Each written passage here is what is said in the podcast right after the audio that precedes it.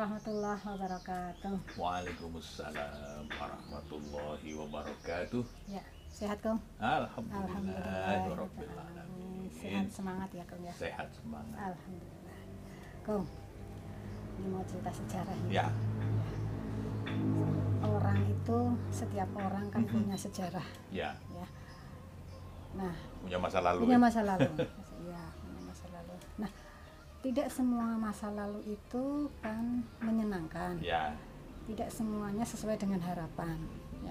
sementara kita kan juga tidak bisa memilih aku kepingin yang seneng-seneng kepingin kan Yang nggak mulus nggak. ya. iya kan tidak mungkin bisa memilih itu nah dalam perjalanannya ke depan itu kadang-kadang kita masih sering mengingat masa lalu atau sejarah yang tidak mengenakan ya, Iya. ya, itu ya. gimana ya Kum ya ya.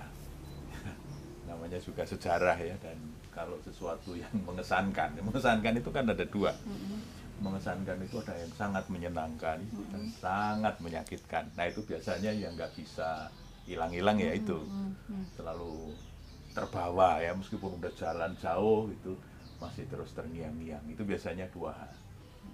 Menyenangkan sekali atau Tidak menyakitkan sekali. Maka masa lalu kita juga begitu. Ketika masa lalu yang biasa saja ya yang tidak terlalu mengesankan di hati Bisa terlupakan ya. gampang Gampang. gampang kita lupa tapi begitu pengalaman itu sangat menyakitkan misalnya itu pasti menimbulkan luka Nah, banyak yang kemudian stuck di situ Mm.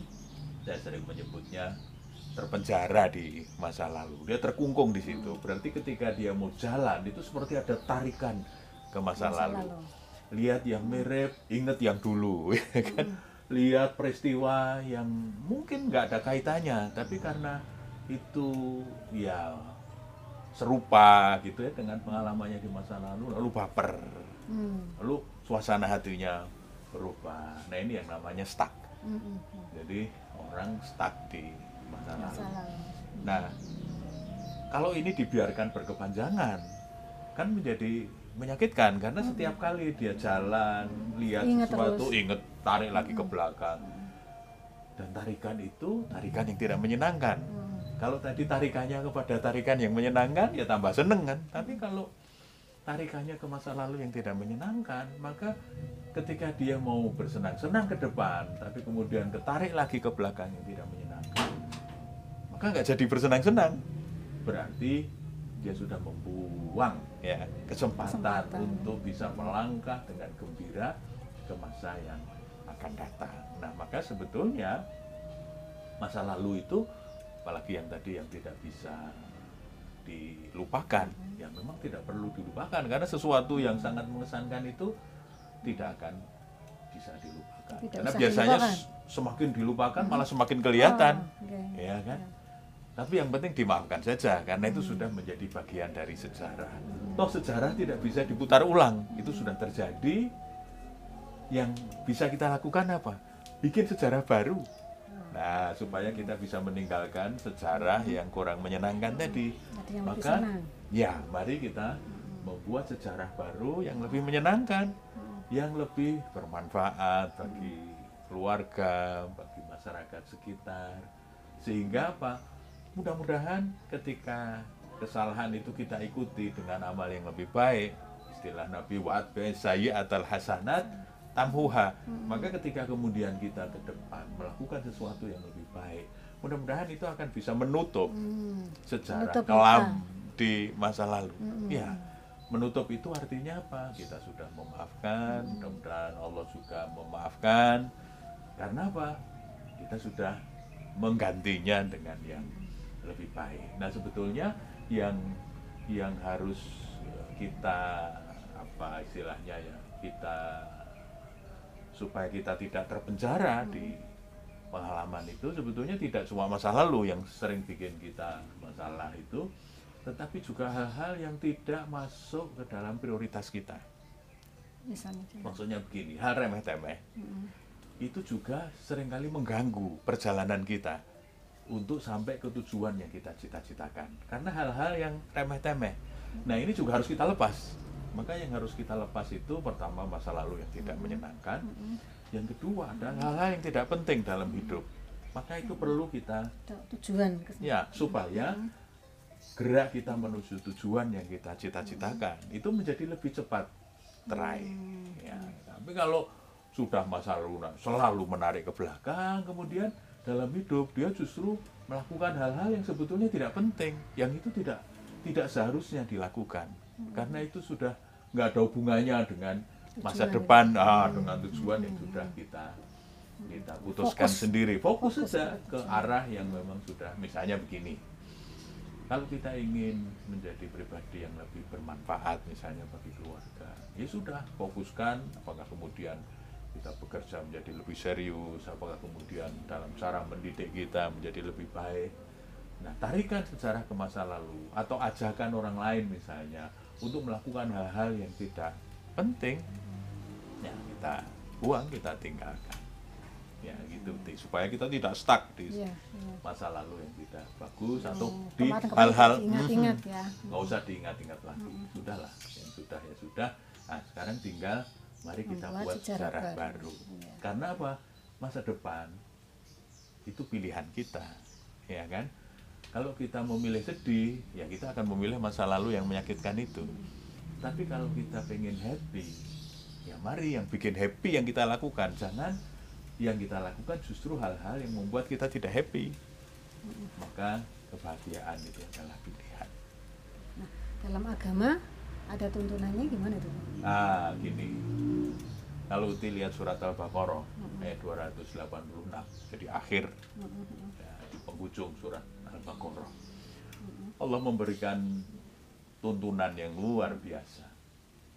Allah dengan sangat tegas mengatakan begini la yukallifullahu nafsan illa wus'aha. Allah itu tidak akan membebani seseorang dengan ya Allah itu membebani sesuai dengan kesanggupannya. Kekuatannya. ya sesuai dengan kekuatannya. La yukallifullahu nafsan illa wus'aha jadi kalau Allah memberi cobaan itu sudah terukur. Artinya mestinya yang dicoba itu kuat. Kuat. karena ayatnya jelas sekali Allah tidak akan membebani hambanya sesuai kecuali Dengan sesuai dengan Kekuatannya. ya kesanggupannya kekuatannya untuk memikul kan gitu. Laha ma kasabat walaiha maktasabat Allah itu maha adil maka baginya amal baik ganjaran itu bagi yang amal baik yang dilakukannya. Tapi juga siksaan atau apa hukuman itu sesuai dengan kejahatan yang dilakukannya dengan dosa yang sudah dilakukannya. Jadi kalau sudah ada amal baik ya dia akan diberi ganjaran yang setimpal. Kalau ada amal yang tidak baik ya dia juga akan mendapatkan hukuman yang setimpal tetapi Nabi dan orang-orang yang beriman berdoa. Nah doanya di akhir. Surat Al-Baqarah itu begini. Rabbana la tu'akhidna inna. sina aw akhtana. Ya Tuhan kami Jangan hukum kami. Jika kami lupa dan salah itu kan luar biasa. Sebuah doa pengakuan kalau manusia ini kadang lupa kadang salah betul Allah itu maha adil. Tapi kita boleh kok minta kepada Allah diringankan dari hukuman. Minta diampuni. Jangan dihukum ya Allah kalau kami lupa dan salah. Rabbana wala tahmil alaina isran kama hamatahu ala ladina min qablina. Ya Allah Jangan pikulkan Jangan bebankan kepada kami. Isran itu beban yang berat Kama hamatahu ala ladina min qablina Seperti yang engkau bebankan kepada umat-umat yang terdahulu Yang bebannya sangat berat Rabbana wala tuhamilna ma la taqata lana. Ya, jangan pikulkan kepada kami apa yang kami tidak sanggup untuk memikulnya. Jadi kita minta kepada Allah ya Allah. Meskipun Allah itu ketika memberi beban itu sudah sesuai dengan ukurannya, sesuai dengan kesanggupan kita, tapi kita boleh minta keringanan kan? Ya Allah, jangan engkau bebankan apa yang kami tidak sanggup untuk memikul beban itu. Dan dilanjutkan dengan wa'fu anna waghfir lana warhamna anta maulana fansurna alal qomil kafirin. Maafkan kami ya Allah ampuni kami. Rahmati kami. Dan engkaulah pelindung kami. Maka bantulah kami melawan orang-orang yang ingkar kepadamu. Jadi akhir dalam surat Al-Baqarah itu memberi tuntunan.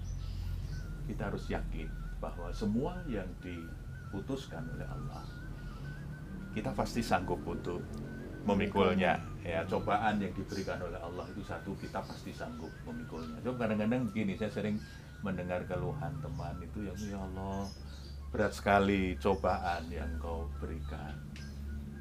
Sepertinya aku sudah tidak sanggup untuk memikulnya. Itu kita tidak yakin berarti dengan ayat ini. Hmm. ayat ini memberikan keyakinan bahwa apa yang dibebankan kepada kita itu kita mestinya mampu untuk memikulnya nah lalu yang penting doanya tadi. Rabbana la tu'akhidna in nasina aw akhtana. Rabbana wa la tahmil alaina isran kama hamaltahu 'alal ladzina min qablina. Rabbana wa la tuhammilna ma la taqata lana bih. Wa'fu 'anna waghfir lana warhamna anta maulana. Fansurna lil kafirin Nah, di dalam hadis Muslim diterangkan begini. Ketika selesai membaca doa ini, Allah kemudian menjawab, "Ya, saya melakukannya." Berarti apa? Allah menjawab, "Saya kabulkan." Jadi di antara doa yang mustajab itu adalah akhir surat Al-Baqarah. 28 Maka ya. Ya 28 dua akhir surat Al-Baqarah. Itu salah satu doa yang mustajab. Sebetulnya dalam hadis Muslim yang diriwayatkan dari uh, Ibnu Abbas itu ada dua. Al-Fatihah sama Menangis akhir Kak. surat. Boleh menangis itu boleh. Nah, secara lebih teknis gimana kok agar kita bisa segera move on nih? ya. Pertama P tribute jadi kita harus coba melakukan sesuatu untuk misalnya begini contohnya seperti Pak Habibie dan Ainun ketika ditinggal Bu Ainun kan kemudian Pak Habibie goncang sebetulnya sampai berkonsultasi kepada Psikiater psikolog. psikiater psikolog ya. lalu disarankan Pak Habibie apa yang Pak Habibie pikirkan rasakan tulis lalu waktu itu Pak Habibie betul-betul seperti keranjingan gitu ya menuliskan semua pikiran perasaan. Ya tribute to Bu Ainun. Dia menuliskan rasa cintanya rasa kehilangannya tapi ditulis. Dan itu didedikasikan untuk Bu Ainun. Nah maka P tribute ini menjadi penting supaya misalnya rasa kehilangan itu kemudian bisa terobati dengan cara apa? Mengeluarkan. Mendedikasikan, mengeluarkan semua yang dirasakan itu dengan cara yang lebih positif, lebih konstruktif. Misalnya, jadi menuliskan dalam bentuk novel atau dalam bentuk cerita Bisa pendek atau lagu bisa juga. dalam bentuk lagu atau dalam bentuk Puisi tema kultum atau apa saja itu bisa kita kita lakukan itu namanya pay tribute sehingga coba apa yang dilakukan dengan sepenuh hati seperti contoh Pak Habibie itu lalu menjadi karya yang sangat monumental orang kalau membaca Habibie Ainun itu sedemikian terhanyut bagaimana sebuah uh, ungkapan, Ungkapan. ya Hmm. cinta kasih yang luar biasa dan begitu difilmkan itu bisa menjadi banyak judul. Nah, Kita maka- bisa bisa nulis. Insya Allah. Nah, atau misalnya kita mencoba melakukan apa yang menjadi cita-cita yang bersangkutan. Hmm. Misalnya kita kehilangan orang tua. Dulu orang tua kita ingin melakukan sesuatu. Nah, maka kita dedikasikan amal itu Untuk untuk meneruskan apa yang dulu menjadi harapan Ingin orang haji, tua, ingin haji misalnya. Nah, makanya kemudian itu yang membuat kita menjadi lebih nyaman karena kita eh, telah melakukan sesuatu kepada orang yang sangat kita cintai. Nah, yang kedua, cry. When you need to. cry. Oh, ya menangis saja kalau memang iya. kita perlu menangis. Jadi kalau sesuatu yang saya boleh nangis. dong. Uti juga boleh kok nangis. Nggak apa-apa. Jadi kalau kita memang mau menangis ya menangis saja. Menangis itu wajar kok. Orang laki-laki boleh. Oh laki-laki juga boleh menangis nggak apa-apa. Nah apalagi kalau menangisnya di hadapan yang kuasa. Ya, tapi juga jangan lama-lama kan kalau hidup itu tetap harus jalan hidup ini tetap harus berkembang. Maka ya menangis itu sebuah reaksi psikologis yang wajar. Maka kalau kita ingin menangis ya menangis saja. Tapi yang tidak boleh itu meratap. Hmm. kalau menangis ya wajar. Kehilangan kemudian menangis. Ada peristiwa yang sangat menyakitkan menangis. Beda ya Om? beda. Menangis dengan kalau meratap. itu kan seperti kita tidak terima kemudian menang- menangisnya juga berlebihan itu namanya meratap.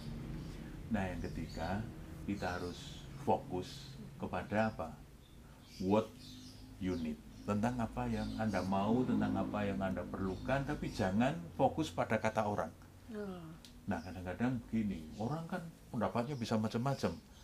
Tapi sebetulnya Anda sendiri maunya apa? Kan itu yang penting. hmm.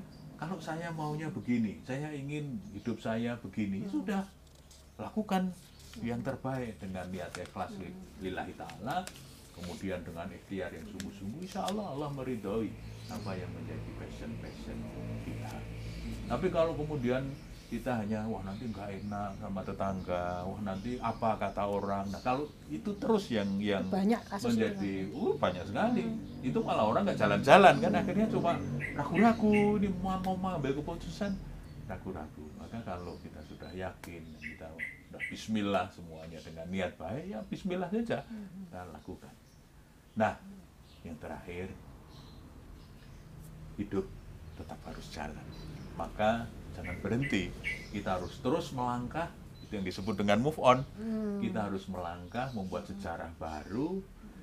Ibaratnya kalau satu pintu tertutup, Cari itu masih ada banyak pintu yang terbuka. Kita tinggal pilih mau masuk ke pintu Pintu yang yang mana. Jadi di depan itu masih ada matahari.